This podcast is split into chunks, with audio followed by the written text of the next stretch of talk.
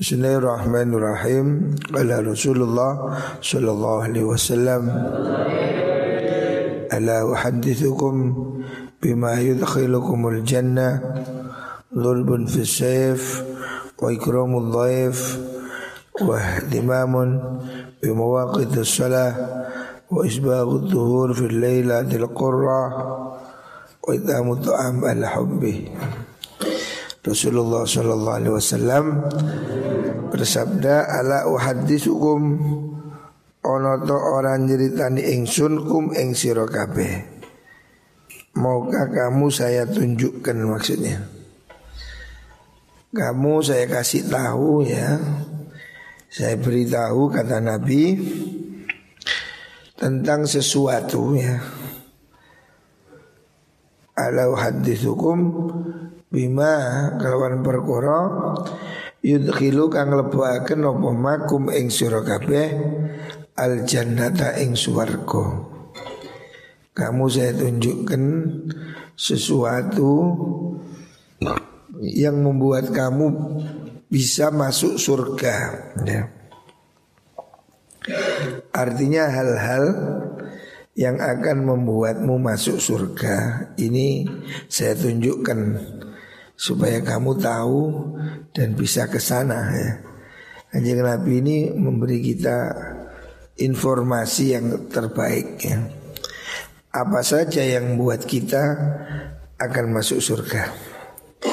Yang pertama adalah Lurbun bisaif. Lurbun mukul bisaifi kelawan pedang. Maksudnya ini perjuangan ya. Lurbun bisaif itu artinya jihad visabilillah ya. Zaman dahulu kan jihadnya pakai pedang. Kalau hari ini pakai bom, pakai apa? Hari ini bisa jadi pakai senjata yang lain. Zaman dahulu ya pedang itu. Artinya panggilan jihad kalau diperlukan itu pintu masuk surga. Wa ikramul dhaif. Yang kedua memuliakan tamu. Tamu ini datang membawa rezeki. Walaupun nggak bawa oleh-oleh. Tapi tamu ini bawa rahmat. Muliakan tamu ya. Wa bundiu Wahtimamun Bimawaqitis salah Yang ketiga yang menyebabkan kamu masuk surga itu Perhatikan waktunya sholat Perhatikan jangan sampai kamu tidak sholat tepat pada waktunya. Orang kita hidup sudah 24 jam Sholat paling lama 5 menit ya. Jangan kamu keluarkan dari waktunya sholat Selanjutnya wa isbagul wudhu'i lan nyempurnaaken wudhu fil lailatil qurrah fil lailati dalam wengi al qurrati kang maksudnya banget ademe. Qurrah lailatul qurrah maksudnya malam yang sangat dingin. Musim dingin kan ada musim tertentu di Indonesia tidak terlalu. Sekarang ini dingin, tapi di Eropa, di Arab jauh lebih dingin ya. Kita ini dinginnya kan sedikit-sedikit. Nah, wudhu pada waktu musim dingin ini pahalanya besar karena pasti beratnya. Tapi ya pemanas air zaman dahulu berat sekali. Wa itamu memberi makanan ala hubbihi ing atase demen ing to'am. Maksudnya berikan makanan yang sedang kita sukai Bukan sisa makanan ya Makanan yang sedang kita suka ya Wa yut'imuna ta'ama ala hubbihi Berikan makanan yang kamu sukai ya. Ya, ya. Ini semua pahalanya menyampaikan kamu ke pintu surga. Rawahu Ibnu Asakir hadis riwayat Ibnu Asakir. Selanjutnya kala Rasulullah sallallahu alaihi wasallam Ala ukhbirukum bi aisaril ibadah Ala khbirukum ana to orang ngabari ingsun kum ing sira kabeh bi aisaril ibadati kelawan luwe gampangi ibadah. Kamu kalau mau ya Nabi ini bahasanya dinawari ya, nggak makso. Kamu mau saya kasih tahu ibadah yang paling gampil. Wa ahwanihalan luwe endengi ibadah alal badani ing atasi badan. Ada amalan yang enteng, ya. gampang dilakukan. Ini nggak perlu biaya, nggak perlu keringetan. Ada amalan yang bisa kamu lakukan dengan mudah, nggak perlu susah payah. Nopo niku enteng niku, sing enteng niku ya asum tu meneng ya. Diem itu ibadah ya. Asum tu menang Wa husnul khuluqi lan baguse akhlak ya. Ini ibadah yang menteng kan Gak perlu macul, gak perlu belayu ya Kalau haji kan masih lari-lari Ini enteng sekali Ibadah yang bisa kita lakukan setiap saat mudah, murah, bahkan tanpa biaya. Yang pertama apa? Diam ya. Jangan banyak omong ya. Jangan banyak ngecuprus ya. Belajarlah diam ya. Kita ini perlu waktu lama ya Untuk belajar bicara. Anak kecil belajar bicara mungkin beberapa bulan. Dan kita perlu waktu lebih lama lagi Untuk belajar diam. Cik iso meneng loh, juga ngetepers ya. Ini kan biasa tuh Hidup jadi tambah ruwet ini karena banyak yang saut-sautan. Saling maki, saling maitu, saling mencaci-caci ya. Yang enggak membahas Akhirnya nggak karu-karuan ya. Ribet urusan dunia ini. Salah satu penyebab apa? Kemudahan di dunia ini ya kalau orang goblok-goblok ini mau diam Repot yang budu-budu tambah kakek ngomong. Nanti tambah memperluat suasana Hendaknya orang yang nggak ngerti masalah Ini lebih baik diam. Ini akan mengurangi distorsi atau kekacauan yang ada di kehidupan kita ini. Diam ini bagian dari ibadah ya. Yang kedua khusnul khuluk Bagus akhlak. Bagus akhlak ini apa saja ya? Sabar ya, syukur ya. Perilaku yang baik ya. Hendaknya kamu bisa menahan diri Tidak banyak bicara. Termasuk hari ini Musim pandemi ini Jangan banyak bicara ya. Is, Lebih baik Berzikir Baca Quran dan seterusnya.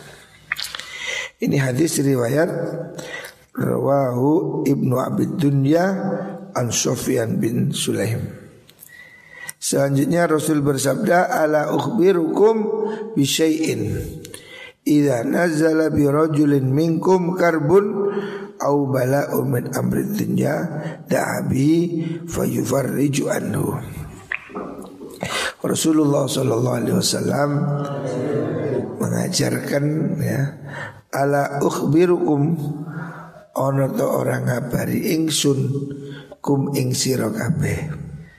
Maukah kamu saya kasih tahu? Bisain kelawan suci-wici Ida nazala nalikani temurun opo syek Bikum kelawan sirak birojulin Kelawan wong lanang mingkum kang tetep sangking kiro kabeh Opo karbun kesusahan? Au bala untuk belai min amri dunya saking urusan dunya ya Ta'a mongko ndonga sapa rajul? Bihi kelawan mengkono mengkono doa ya. Kaukah kamu kalau kamu ada kesulitan?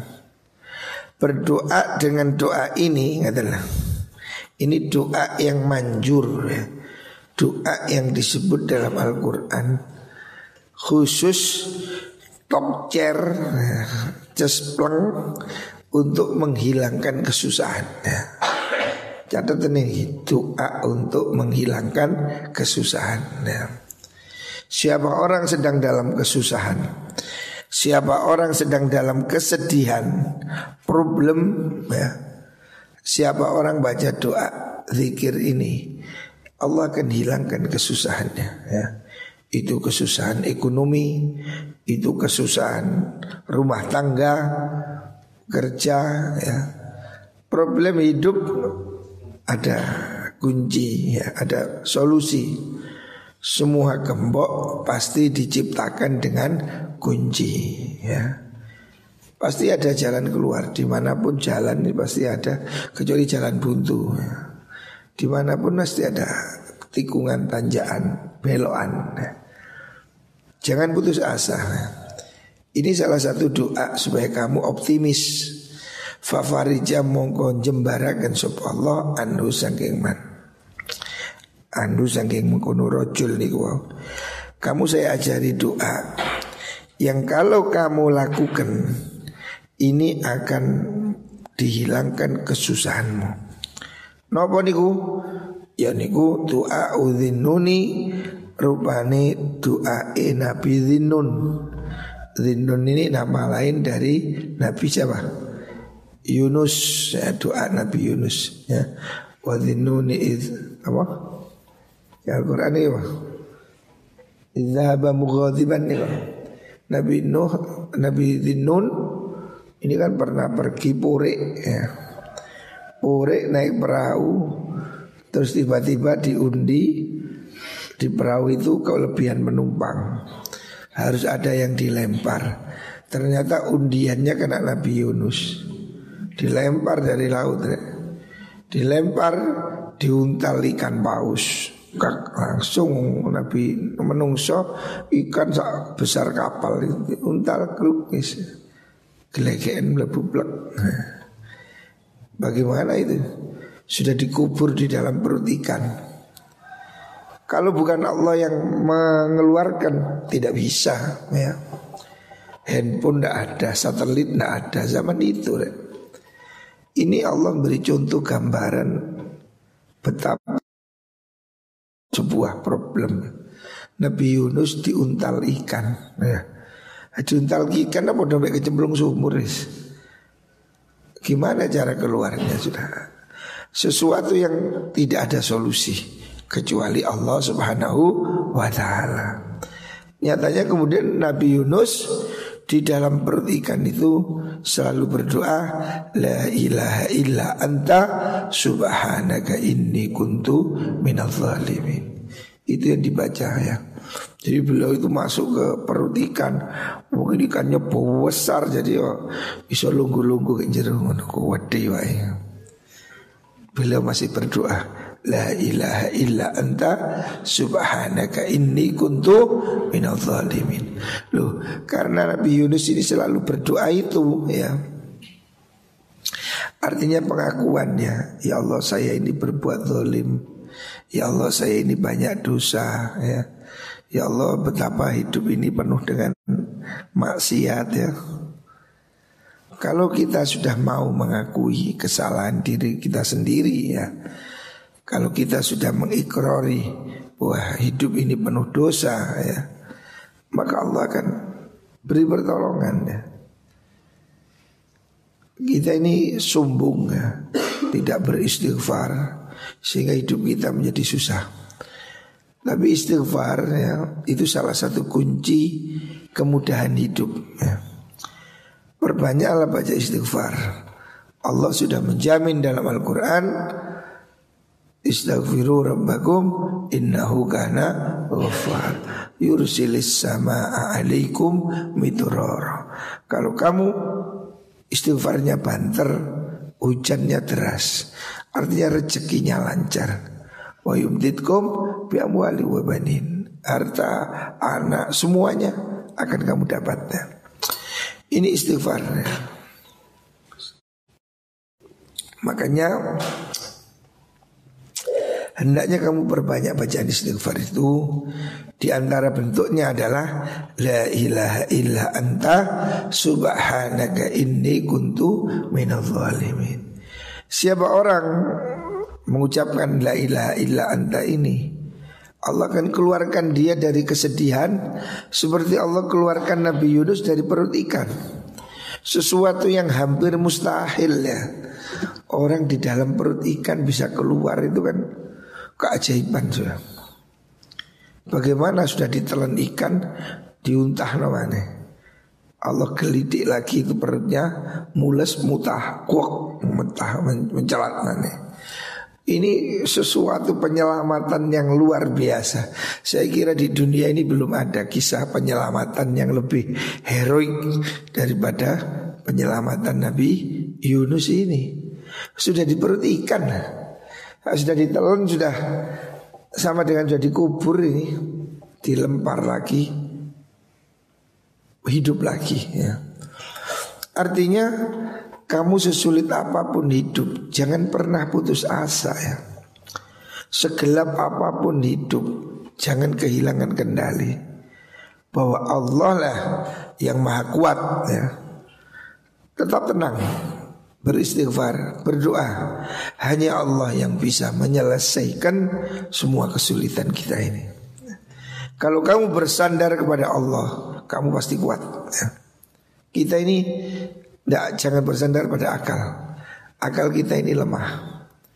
Tapi kalau kamu bersandar pada Allah, berzikir, beristighosa, minta pada Allah, pasti kekuatan Allah maha hebat. Ya.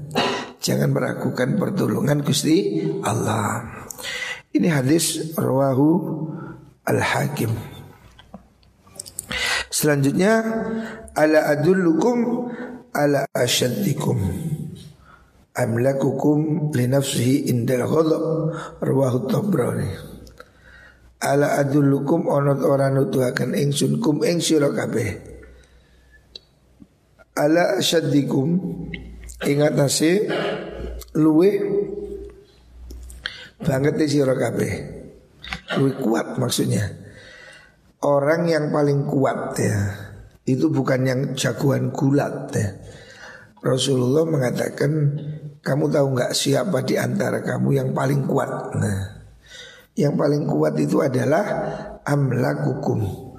Luweh nguasani sira kabeh li nafsihi maring awake ahadukum indal ghadabi nalikane muring-muring. Orang yang paling kuat itu orang yang bisa mengendalikan diri waktu emosi. Nah, sebab orang ini biasanya kalau emosi anu ngamuk naik pitam itu kan dikuasai setan. Orang emosi ini dikuasai setan, makanya marah, merah, kelihatan menyala-nyala ya. Sehingga dia ini tidak bisa menguasai diri. Orang emosi ini bisa membunuh, bisa bunuh diri ya. Lah, orang yang bisa nahan emosi itu berarti orang yang kuat ya. Orang kuat itu. Kalau ngangkat batu semua orang bisa ya. Kamu ngangkat batu, ngangkat truk iso aja. Bisa dilatih kan. Kekuatan tubuh ini kamu bisa dilatih. Tapi kalau menguasai hati ini lebih sulit lagi ya. Makanya Rasulullah SAW mengajarkan kamu supaya kendalikan emosinya. Kendalikan marah Jangan ngamuan ya. Ojo ngamuan ya. Bagaimana kamu berusaha hidup ini lebih tenang ya.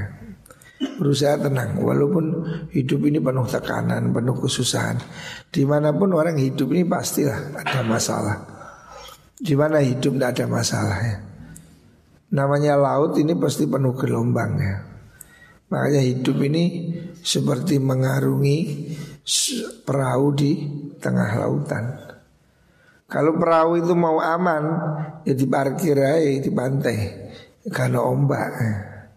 Yang namanya perahu ya memang diciptakan untuk menerjang ombak. Lah hidup seperti itu. Lautan ini penuh dengan gelombang, penuh dengan ini. Manusia hidup pasti akan mengalami cobaan-cobaan ya. Tetapi yang harus kamu lakukan Kamu harus bisa menguasai dirimu ya Jangan kamu hanyut atau tenggelam. Kuasai diri ya. Jangan emosi. Rawal Tabrani an Anas. Ala urqika biraqiyatin raqani biha Jibril. Selanjutnya Nabi mengajari kamu suwu Suwu ini penting ya. Sekarang ini kan ada ruqyah Ruqyah, ruqyah. Nabi memang mengajarkan itu Suwu Suwu itu apa sih? Doa, doa ya Ini hadis riwayat Abi Hurairah Suatu saat Nabi Shallallahu Alaihi Wasallam Kanjeng Nabi mengunjungi sahabat Abu Hurairah. Dia sedang sakit. Terus Nabi mengatakan, "Ala urqiyaka bi ruqyatin riqani biha Jibril alaihissalam." Ala urqiyaka ana ta ora nyuwu ingsun ka ing sira. Bi ruqyatin kalawan suwuan. Rokoni kang nyuwu ni ing ingsun sapa Jibril malaikat Jibril. Kamu mau nggak tak ajari suwu? Saya pernah disuwu Disuwu ini apa? Didungani ini kalau rek disuwu Jampi-jampi Jadi suwu itu bukan sesuatu yang jelek ya Kan biasanya orang datang ke kiai Minta dikasih minuman disuwu ya.